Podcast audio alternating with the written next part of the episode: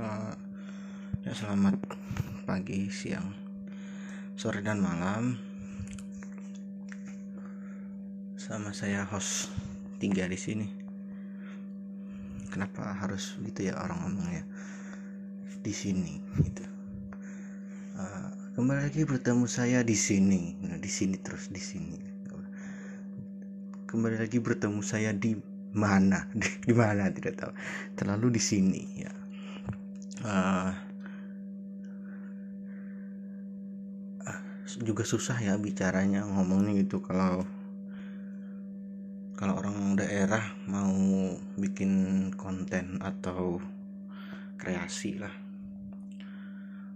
Uh, yang yang menasional gitu yang menyeluruh untuk seluruh orang, orang Indonesia kenal itu agak susah kendalanya sih kebanyakan di bahasa terutama yang saya rasakan sebagai orang Banjar. Maksudnya begini kalau ya kalau anda orang orang Jakarta mungkin orang Bandung uh, pakai lu gue atau lo gua itu kan hal yang lumrah gitu. Kalau anda orang Medan pakai aku kamu itu hal yang lumrah. Kalau anda orang Sulawesi orang Papua itu pakai saya anda juga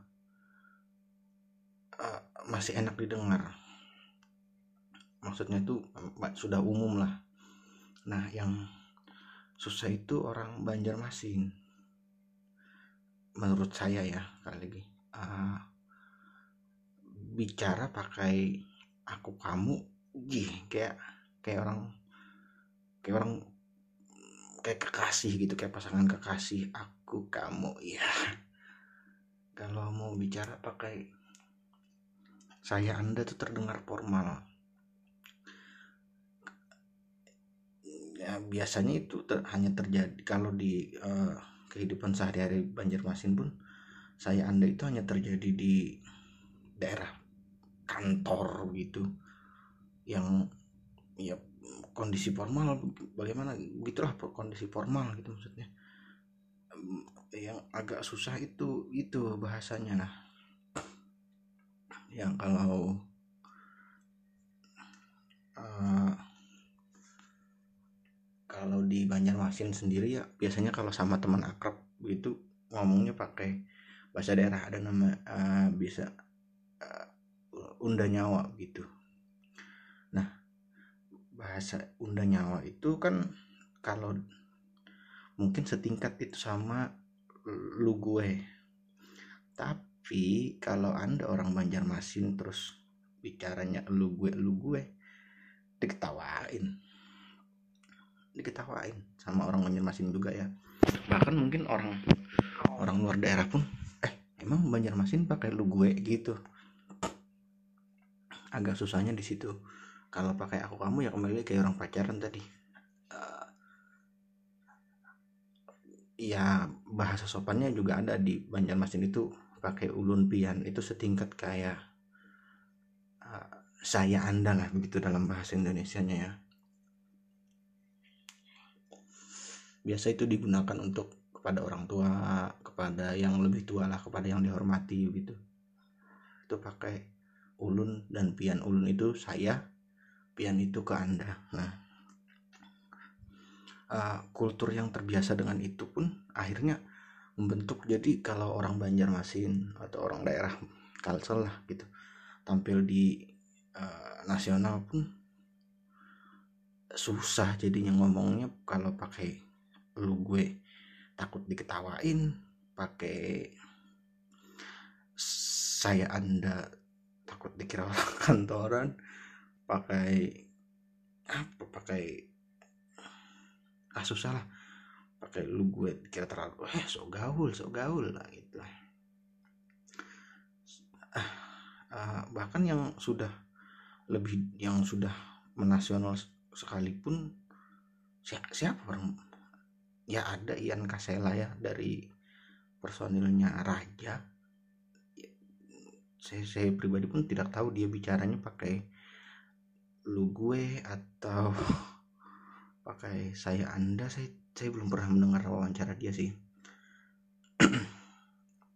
Nah uh, beda halnya dengan teman-teman dari daerah Medan. Kayak saya pernah saya sering nonton kan stand up komedi dari Medan kan ada salah satu namanya uh, Babe Cabita. Dia pakai aku kau. Itu enak didengarnya kalau orang daerah Sulawesi orang Sulawesi kayak Ari Kriting dia bicara dengan menggunakan uh, diksinya pakai saya saya. Itu enak mungkin karena daerah mereka memang seperti itu ya kayak orang uh, orang Medan kan eh aku kau. Eh saya tidak tahu isi bahasa daerah seperti aslinya gimana. Tapi lumayan sering mendengar begitu aku kau aku kau. Dan yang saya tahu daerah Sulawesi uh, memang dekat dengan timur ya. Memang satu ras mereka Melanesia pakai sa sa anda pakai sa sa itu kan saya itu kan memang masih dekat. Jadi walaupun pakai saya anda enak lah didengarnya mereka masih enak. Nah itu yang yang yang yang belum dimiliki orang Banjarmasin yang yang ke, ke nasional itu maksudnya siapa, siapa? Nggak nggak ada kan? Ya itu tadi balik lagi uh, segelintir orang yang kayak Ian Kasela dan siapa gitarisnya saya lupa namanya itu. E, mereka kan memang e, pakai bahasa apa pun juga saya tidak tahu mereka diksinya yang digunakan untuk saya kamu itu apa begitu. Apakah lu gue atau saya anda saya juga tidak tahu tuh. Kebetulan belum pernah mendengarkan interviewnya.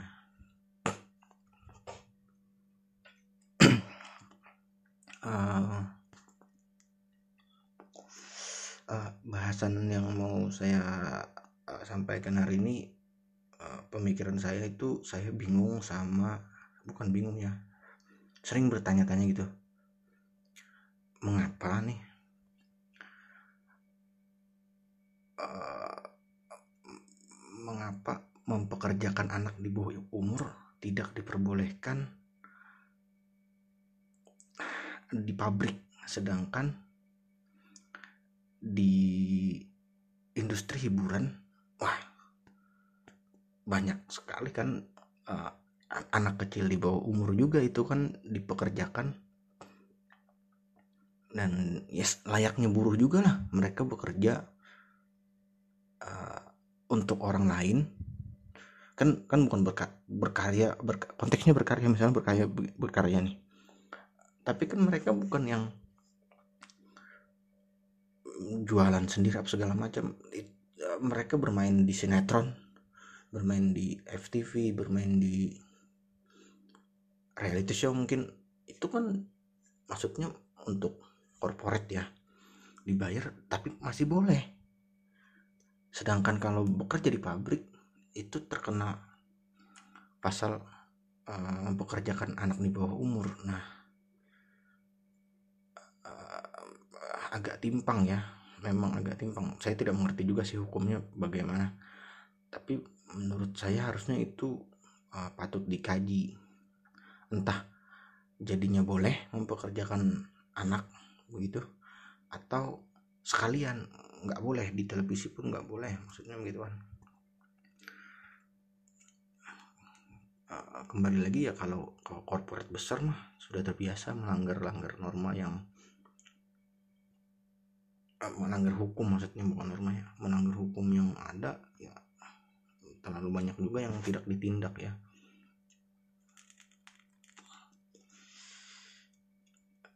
harusnya kan pukul rata lah. Kalau memang tidak boleh kenapa ada yang dibolehkan? Kalau memang boleh kenapa ada yang tidak dibolehkan? Gitu. Apa karena bayarannya lebih mahal ya? Berarti kalau oh mungkin kalau bayar anak untuk kerja tapi bayarnya lebih mahal mungkin boleh ya? Mungkin juga sih nggak tahu nggak tahu juga saya.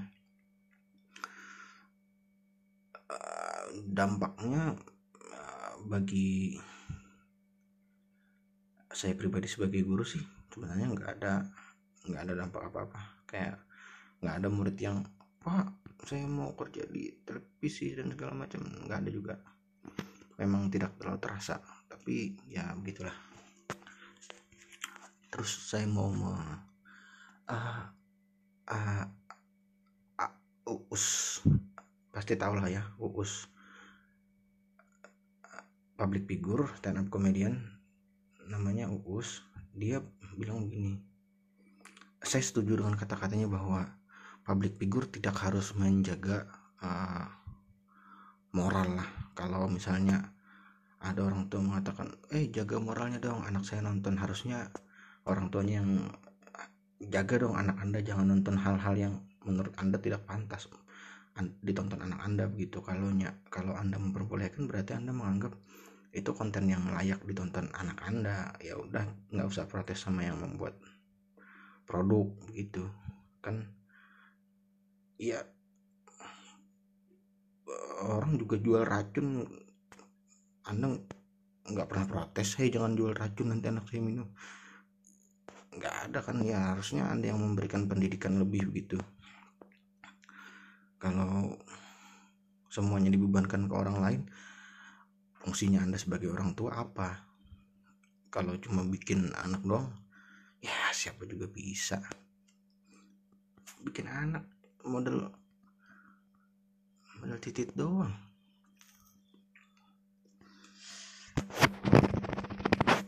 So, siapa sih yang nggak bisa kan? Mungkin harusnya tuh yang gini anda kan kerja terus nggak bisa ngurus anak maksudnya kan gitu. Ya kan puasa pulangnya kerja. Ya lihatlah anak anda apa yang dia lakukan apa yang dia rasakan apa yang dia alami hari ini. Ajak bercerita lah. Nggak usah nggak usah terlalu hei kamu nggak boleh nggak boleh ini nggak boleh itu. Ah itu malah membuat dia penasaran lebih lebih ke penasaran dibandingkan dia malah takut untuk melanggar ya karena pribadi seorang anak ya selayaknya anak lah. Dia mau tahu semua hal. Apalagi itu populer ya di kalangannya dia. Woi ini lagi keren nih kalau kayak gini keren kayak gini keren. Ya ya Anda ciptakanlah hal yang menurut Anda baik. Uh, dan buat itu keren di mata anak Anda gitu nggak usah nyalahin public figure. Public figure mah hiburan. Hiburan boleh apa aja kan? Bokep aja hiburan kategorinya. Eh, emang ada ya bokep untuk ya ada sih mungkin ya untuk belajar. Tapi kan di kita nggak ada gitu untuk belajar. Ya hiburan aja. Ya senang-senang doang gitu. Bukan untuk nggak tahu sih ya apa ada ya orang yang cita-citanya mau jadi pemain film dewasa gitu. Nggak tahu sih. Kayaknya nggak ada deh. Nggak nggak nggak lah. Sesuka sukanya nonton film bokep nggak bakal lah cita-cita jadi pemain bokep. Kecuali dia cukup si anak itu maksudnya cukup gila untuk mengatakan bahwa itu adalah cita-citanya.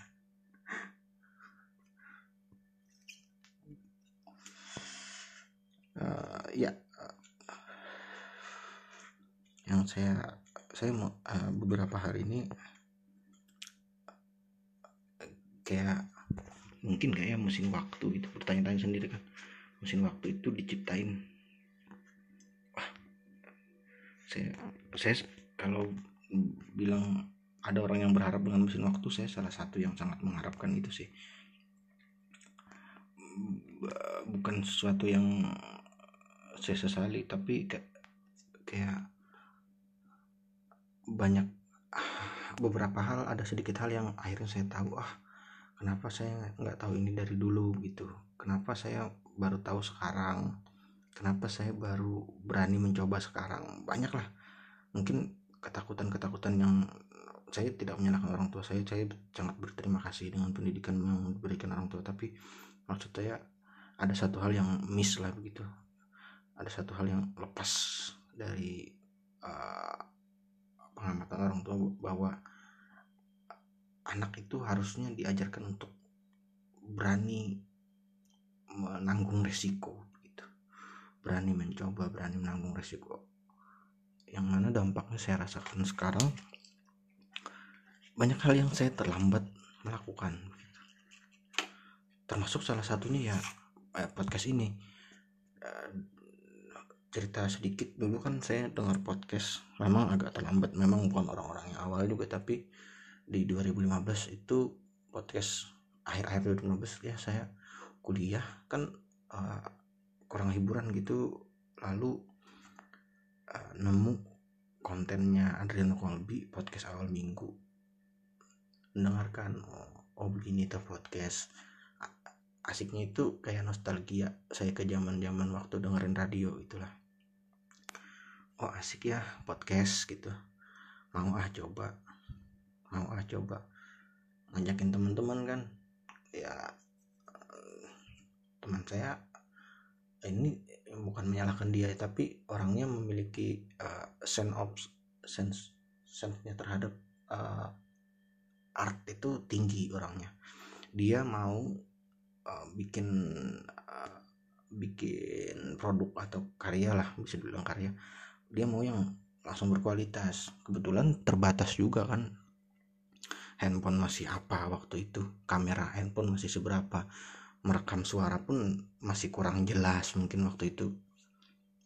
Ya 2015 apa? Produk apa terbaik 2015 bahkan iPhone pun masih iPhone 5S ya kalau nggak salah. Yang paling tinggi gitu. Varian tertinggi iPhone pun masih 5S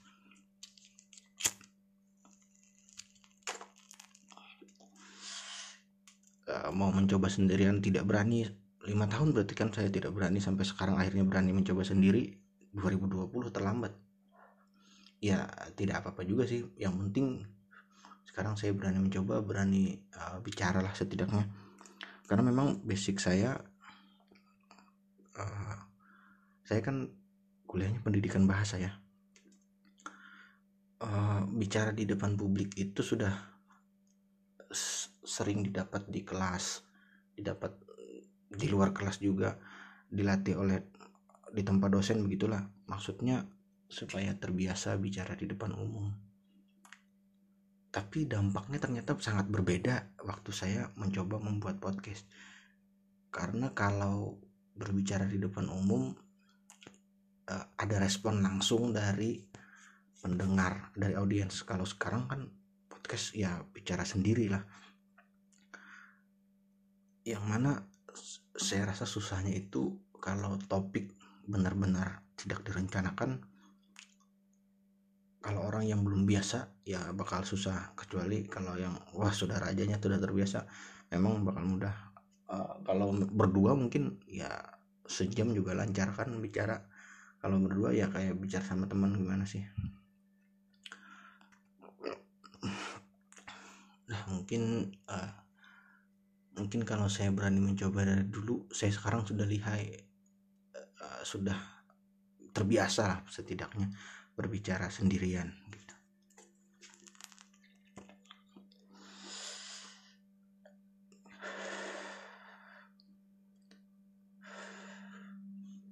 Uh, memang uh, kulturnya di Banjarmasin sendiri masih jauh tertinggal lah. Kayaknya zaman zaman sekarang pun yang ya, mana teknologi mudah di, sudah dijamah untuk semua kalangan bahkan saya masih merasa Banjarmasin itu jauh tertinggal. Saya kan banyak mendengarkan tidak banyak sih saya sering mendengarkan podcast. Tetapi hanya beberapa ya jadi yang saya tahu oh kehidupan di Jakarta itu begini. Nah di beberapa podcast itu mereka menceritakan tentang masa lalu mereka kan. Lalu saya sadar bahwa oh yang di masa lalu mereka ceritakan itu baru terjadi sekarang di sini gitu. Kayak kayak iya kayak kayak kayak contohnya kayak KP lah KP itu kan baru sekarang rame di sini begitu baru ya paling baru 2 3 tahun lah. Sedangkan di Jakarta sepertinya sudah menemukan titik jenuh dengan kafe bahkan sekarang yang saya lihat mulai naik namanya eh, mulai naik uh, budayanya lah begitu di Jakarta. Yang saya tahu ya saya kan tidak tinggal di sana jadi kalau salah ya pasti salah sih kayaknya. Tapi yang terlihat itu kayaknya uh, bir deh uh, maksudnya kultur minum tempat minum alkohol begitu yang yang legal ya pastinya bukan kayak kalau di sini mah alkohol yang minum yang racik yang alkohol apotik gitu alkohol alkohol, alkohol apotik campur air putih sedikit campur minuman energi dah minum gitu. Dan saya rasa itu pasti juga terjadi dulunya di dulunya tapi mungkin tahun 90-an tahun 80-an di daerah uh, kota besar.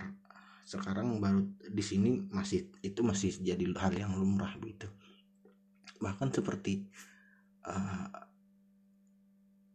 uh, minuman yang ileg yang legal ya yang dijual legal alkohol yang dijual legal pun di sini masih belum marak belum belum seberapa. Memang kalau di Banjarmasin sendiri saya kena saya tahu ada beberapa dan tempat minumnya pun tidak seasik yang yang anda bayangkan. Kalau anda orang yang tinggal di kota besar kota besar ibu kota lah terutama tidak bakal seasik yang anda bayangkan. Ya better take away lah daripada minum di tempat. Bahkan ya bahkan uh, nah ada satu lagi public figure yang saya tidak tahu dia orang Banjarmasin atau memang cuma punya bisnis di sini tapi keluarganya memang ada di sini. Itu si siapa? Ola Ramran Ora Ramlan atau Ola Ola Ramlan kalau. Ola Ramlan itu punya uh, bapaknya itu katanya pemilik uh, diskotik terbesar di Kalimantan Selatan. Nah, bahkan untuk ukuran diskotik terbesar di Kalimantan Selatan pun kalau Anda masuk ya ya saya saya pribadi jujur malu kalau masuk sana. Saya saya belum pernah tapi yang saya tahu yang kan tempatnya itu di Banjarmasin kota ya di kotanya. Orang asli di situ nggak bakal berangkat ke sana. Yang masuk itu orang-orang daerah berangkat beberapa jam ke, ke Banjarmasin cuma untuk uh, menikmati diskotik tersebut. Begitu kurangnya begitu hiburan di sini tertinggalnya jauh ya.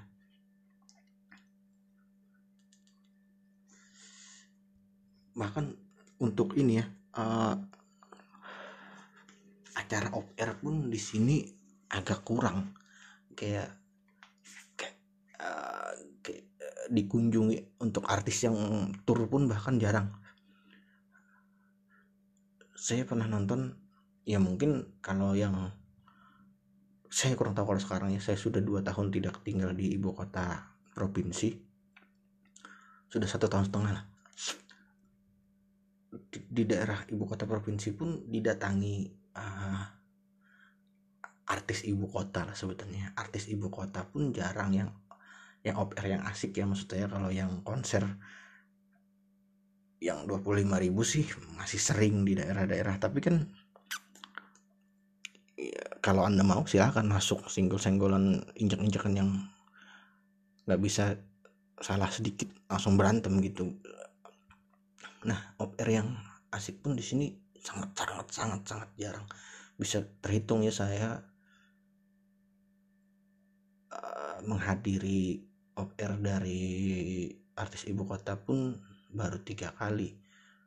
Sila on Seven dua kali tempatnya di hotel itu nah itu kalau acaranya bertempat di hotel di lobby hotel di aula hotel maksud saya tiketnya mahal dan mahal untuk ukuran Banjarmasinnya mahal dan uh, kualitas bisa terjamin. Orangnya as, ah, di dalam asik. Ya siapa sih yang mau bayar 150 misalnya atau 250 untuk rusuh di dalam. Nah dua kali musik uh, untuk yang tidak berbayar sih seringnya kayak kayak jacklot jacklot alhamdulillah. Jacklot beberapa kali diselenggarakan di Banjarmasin juga dan Banjarbaru lebih tepatnya. Uh, kota sebelah lah sama-sama kota besar itu uh, ya itu masih asik sih kulturnya. Memang masih masih acara besar lah terhitung acara besar lah. Dan yang membuat saya suka Jacklot uh, bukan menu utama saya bukan band nasionalnya sebenarnya. Saya suka mendengar band-band indie lokal. Kebetulan Banjarbaru itu punya punya kultur musik yang wah bagi saya luar biasa ya. Uh, komunitasnya hidup di sana. Komunitasnya bisa jalan bisa belanja. Maksudnya itu hidup itu uh, komunitas di sana banyak dan uh, uh, kegiatan komunitas itu rutin gitu. Sampai ya mungkin lebih asik kulturnya di Banjarbaru dibanding Banjarmasin yang kotanya. Jadi saya cerita kotanya itu di Banjar di Kalsel, Kalsel ya Kalimantan Selatan tersendiri itu punya dua kota besar. Satu ibu kota bisnis Banjarmasin. Yang saat yang dulu ibu kota provinsi Banjarmasin sekarang jadi ibu kota bisnis. Nah sekarang yang jadi ibu kota provinsi provinsi itu Banjarbaru karena lahannya masih luas dan uh, tanahnya tinggi bukan tanah humus nah di sana orangnya pun juga terbilang asik lah sama sama kayak orang Banjarmasin kalau orang aslinya ya pasti asik. Yang di kota yang setelahnya bukan yang pelosok. Ya kalau yang di pelosok ya asik juga. Tapi kan maksudnya bukan kalau di kita bicarakan kultur uh, hiburan off air gitu uh, yang pasti datang ya orang-orang kota lah.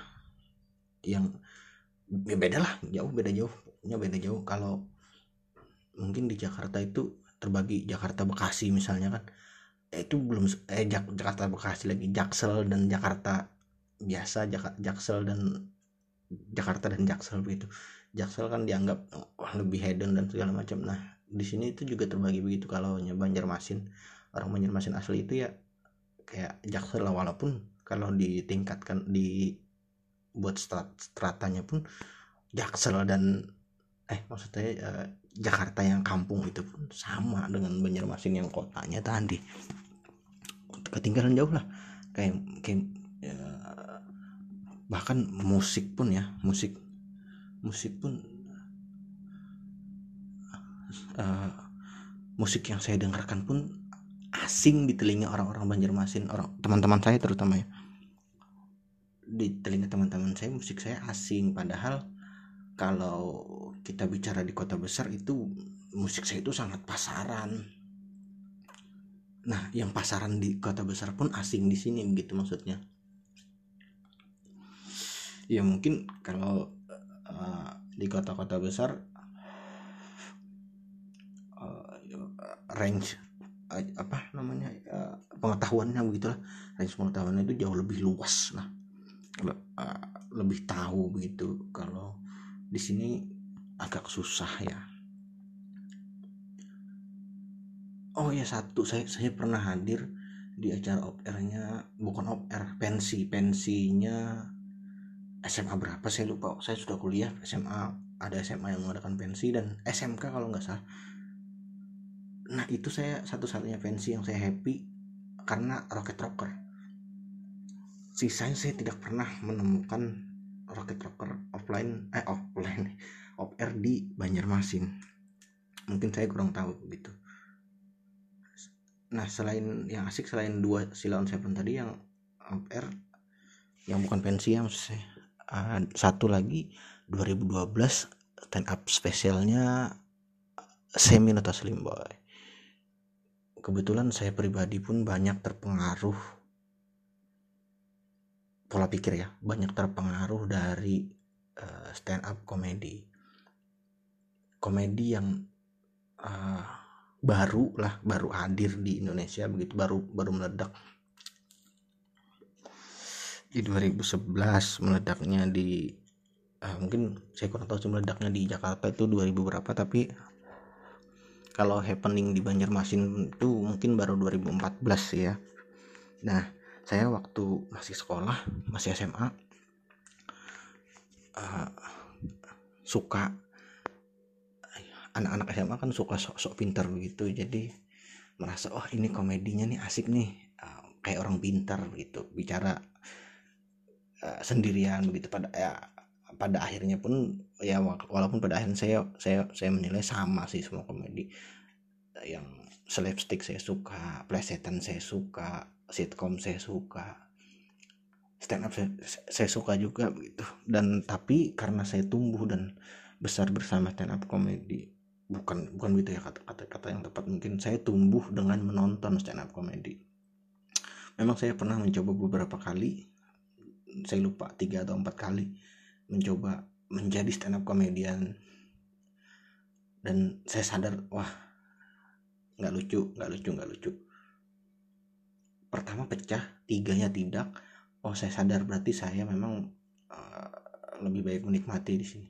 Dan saya memang benar-benar menikmati akhirnya dan banyak terpengaruh. Nah mungkin selanjutnya itu saja saya akan bahas ya. Uh, saya akan tampil egois lah di podcast pribadi podcast saya sendiri ini. Saya akan uh, menceritakan siapa yang saya idolakan siapa yang saya sukai siapa yang banyak memberi pengaruh gitu dalam pola pikir saya. Nah sekian dadah